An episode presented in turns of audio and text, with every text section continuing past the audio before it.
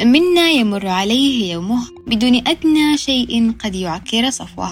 أو بالأخص منا لم يواجه في حياته أمورا خارجة عن يده وإطار سيطرته. نعم جميعنا مررنا بهذه التجارب بمختلفها. لكن اليوم أتحدث خصوصا عما نواجهه يوميا في المستشفيات وخلال ساعات عملنا. التي أقل ما نقوله عنها أننا اعتدنا عليها بكل حالاتها. مريض يشكر ما قدمناه وآخر يشكي ما يؤلمه وثالث يتذمر ويخرج كل ما بداخله من غضب موجها أصابع الاتهام تجاهنا ناعتا إيانا بعدم الإحساس به وبمرضه.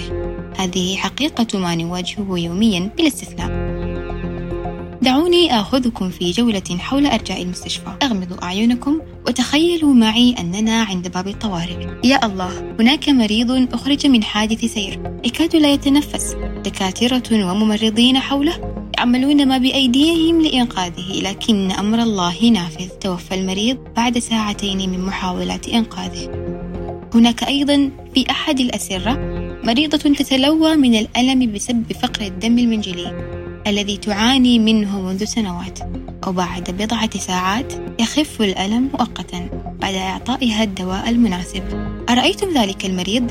قرر له الطبيب عملية عاجلة بسبب انسداد الشرايين الذي اتضح معه بعد الأشعة. يا الله معاناة مستمرة لابد أن نخرج من هذا القسم. حسنا نحن الآن أمام قسم الولادة أحد أكثر الأقسام التي تحدث فيه أمورا مفرحة في المعتاد. أترون تلك المرأة إنها تضع مولودها الأول بعد خمس سنوات زواج. شعور رائع أليس كذلك؟ وتلك الأخرى التي في غرفة العمليات أنجبت فتاة بعد ثلاثة أولاد. تكاد لا تصدق أنها ستحظى بابنة تكون رفيقة لها.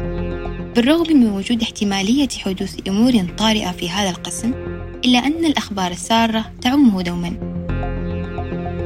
بإمكانكم الآن فتح أعينكم. ما أريد أن أصل إليه هو أن هذا التخبط بين مشاعر التوتر والخوف وبين الفرح والترقب الإيجابي ينعكس كثيرا على نفسياتنا بشكل أو بآخر شئنا أم أبينا؟ والهدف من ذكر ذلك هو أنني في الماضي كنت أتأثر بكل كلمة تلقى إلي وبكل ثقل يرمى علي وبكل موقف صعب أواجهه أو حتى بكل تصرف قد يلقيه صاحبه دون قصد منه. وأعود آخر يومي محملة بكل السلبيات متجاهلة الإيجابيات التي قد تحيط بي ثم فكرت قليلا ولنفكر في ذلك سويا الآن أعطانا الله هذه الهمة والقوة لأن نكون أفرادا في مهنة عظيمة ألم يعطنا أيضا القوة في مواجهة ما قد نواجهه في هذه المهنة؟ ألم يصقلنا ويغير فينا ويهيئنا لهذه المواقف؟ بلى هو حتما اختارنا من بين الجميع لأنه يعلم مدى تناسبنا لهذا المكان. إذا لماذا نشكك في قدراتنا؟ ونحمل أنفسنا فوق طاقاتها. وتناسينا حكمة الله هذه. صدقوني إن كل ما نمر به ما هو إلا قوة تزداد إلى رصيد قوتنا. وما قد نراه في يومنا من مرضى أو مرافقين لا يمسنا بشخصنا. وما هو إلا انعكاس لشيء ما بداخلهم. لذا دعونا لا نسمح له بأن يحبطنا أو حتى يؤثر على طاقاتنا في العطاء ولو بالشيء القليل.